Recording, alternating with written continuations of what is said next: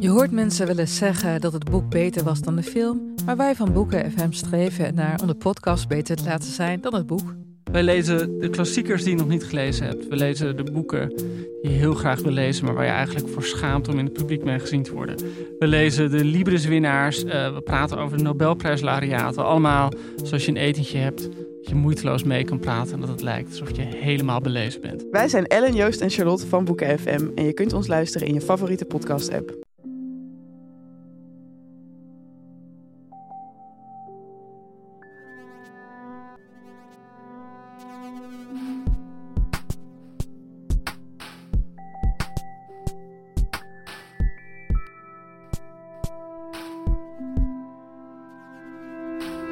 Ben Pieter van Relaas. In Relaas hoor je waar gebeurde verhalen en die worden verteld door de mensen die ze zelf hebben meegemaakt. We gaan luisteren naar Wederik. Het is een verhaal dat vasthangt aan een foto. Geen echte foto, maar een beeld. Een beeld dat voor altijd in het geheugen van Wederik gegrift staat, alsof het een foto was.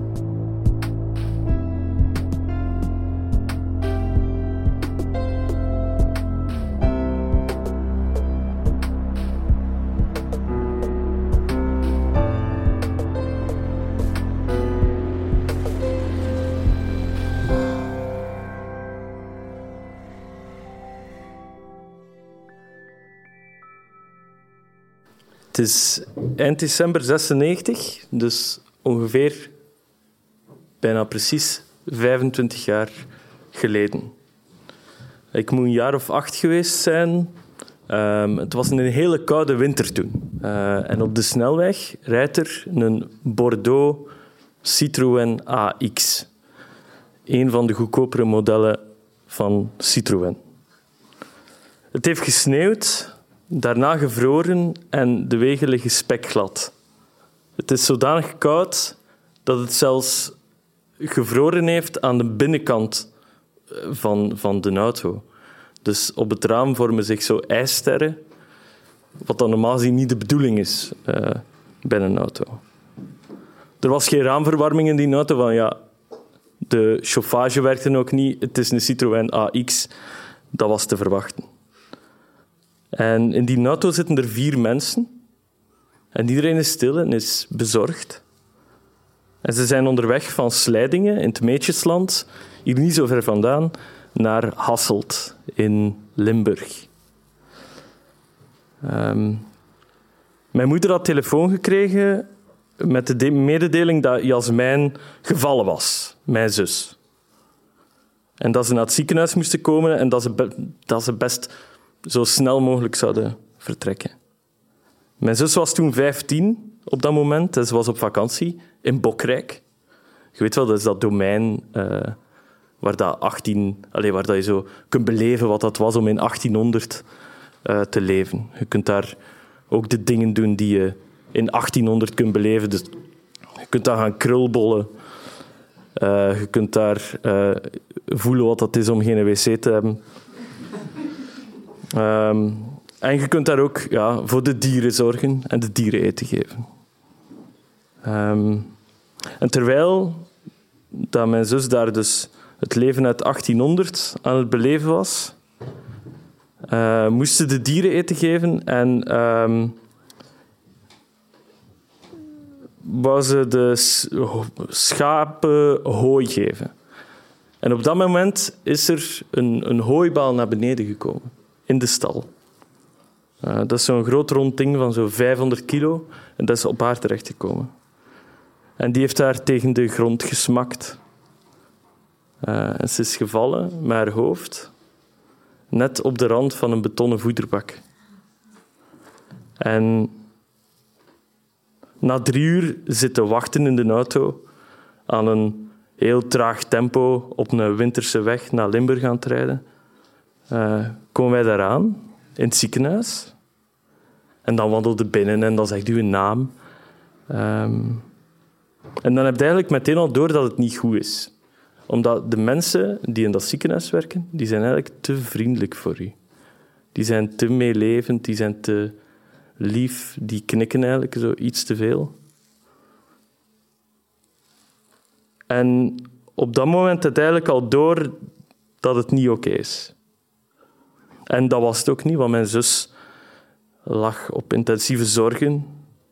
En ik weet nog heel goed, haar bed stond aan de linkerkant van de kamer. En overal rondom haar stonden machines. Ehm, en er kwamen allemaal kabeltjes in en uit haar lichaam. Uh, en ze had zo'n grote zwachtel rond haar hoofd. En haar ogen waren gesloten. En zo aan, haar, aan haar oor was er zo nog één lok van haar bruin krulhaar te zien. Ehm, en op dat moment was het eigenlijk heel duidelijk. Ik wist dat dat de laatste keer zou zijn dat ik, dat, dat ik mijn zus nog zou zien. En ik weet nog dat ik wegwandelde terug met mijn ouders na zo'n intens moment. En dat ik uh, nog omgekeken heb. En dat ik toen heel bewust uh, dat beeld in mij opgeslagen heb. Ik heb een soort van mentale foto genomen van dat moment. Uh, die, dat bed aan de linkerkant, die machines, mijn zus. Ik heb een foto genomen, klik, en ik heb besloten om dat beeld altijd bij te houden. En daarna wordt het plots heel druk. Want er moet van alles geregeld worden, uh, er moeten keuzes gemaakt worden, er moet papier geregeld worden, er moeten dingen beslist worden um, over wie dat er gaat spreken tijdens de begrafenis. Uh, ik weet nog dat ik dat moest vertellen op school bij juffrouw Marijke in, het, uh, in, de stedelijke, in de gemeentelijke basisschool Het Eeksken in uh, Lovendegem. en dan moest ik gaan rechtstaan en moest ik vertellen van ja, mijn zus die is overleden, ik heb een doodsprentje bij en dan heb ik dat uitgedeeld. Um, en dat was dat dan. En pas na die periode komt het thuis en dan merkte dat je huis, dat er eigenlijk één persoon minder is. En dan pas begin je eigenlijk echt iemand te missen. Er is nog altijd een, een kamer met daarin een, een bureaustoel van uh, zo'n een, een, gebogen bureaustoel van stokken en een, en een tafel van de IKEA. Uh, er is nog altijd een pipieter met daarnaast een viool. Er is nog altijd die sporttas in zalmroze um, canvas, zo'n zalmroze stof, waar de al haar spullen in zaten die ze mee had op reis. Kleren, zakdoeken, uh, ondergoed, dat soort dingen. En dat zijn allemaal dingen die we doen herinneren aan die persoon, maar die persoon is er zelf niet. Um, en dan zoekte als gezin dingen om u te blijven vasthouden aan, dat, aan die persoon. Um, ik weet bij mij thuis is er, en dat is denk ik zonder overdrijven, er is vijf, die 25 jaar is er een kaars die al brandt. Uh, en mijn moeder is ondertussen verhuisd, maar de schrijn waar dat, in stond, zo een soort inhammeke, waar dat naast de schouw, die plafond daarvan was echt zwart geblakerd. Uh, door alle kaarsen die daar door de jaren heen al uh, ja, afgestoken waren. En ook de kamer die blijft zoals dat ze is. Het bed is opgemaakt op de manier dat je nog... Dat dat is zoals dat zij er nog is. Er is een schoolbord bij ons thuis. En daar staan tekeningen op die mijn zus gemaakt heeft. Uh, en daarop heeft hij ook een tekst geschreven. Alleen een tekst. Dat is letterlijk blie, bloe, bla, bla, bla, blie, bloe, bla. Echt zoiets. Uh, maar dat bord is al 25 jaar niet afgeveegd.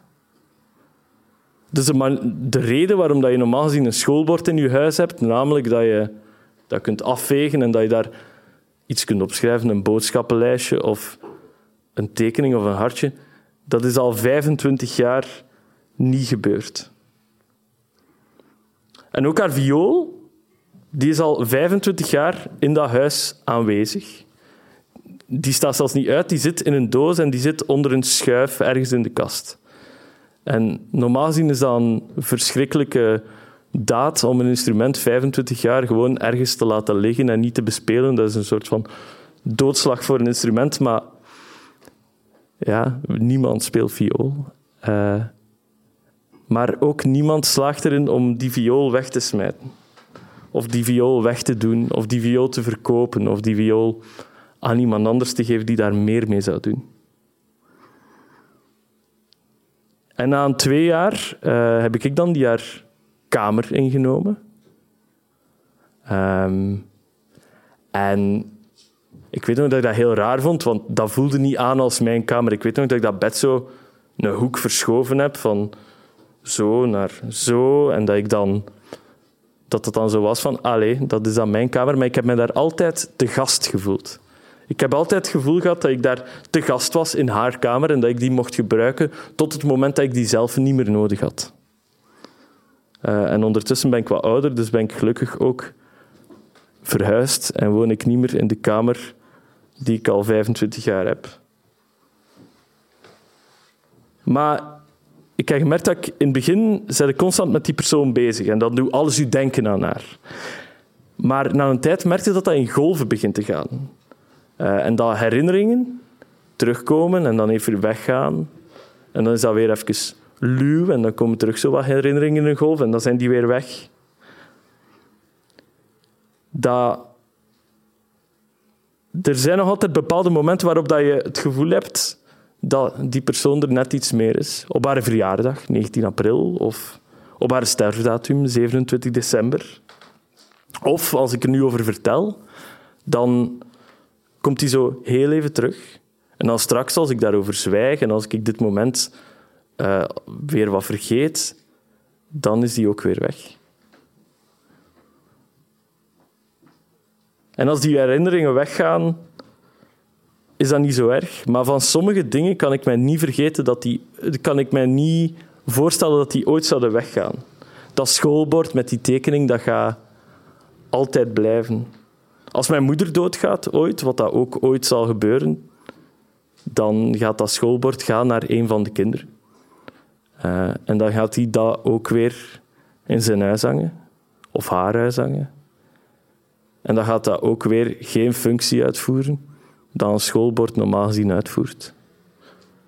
Dus op die manier is onze familie in bezit van het meest uh, nutteloze schoolbord ter wereld. Dank u wel.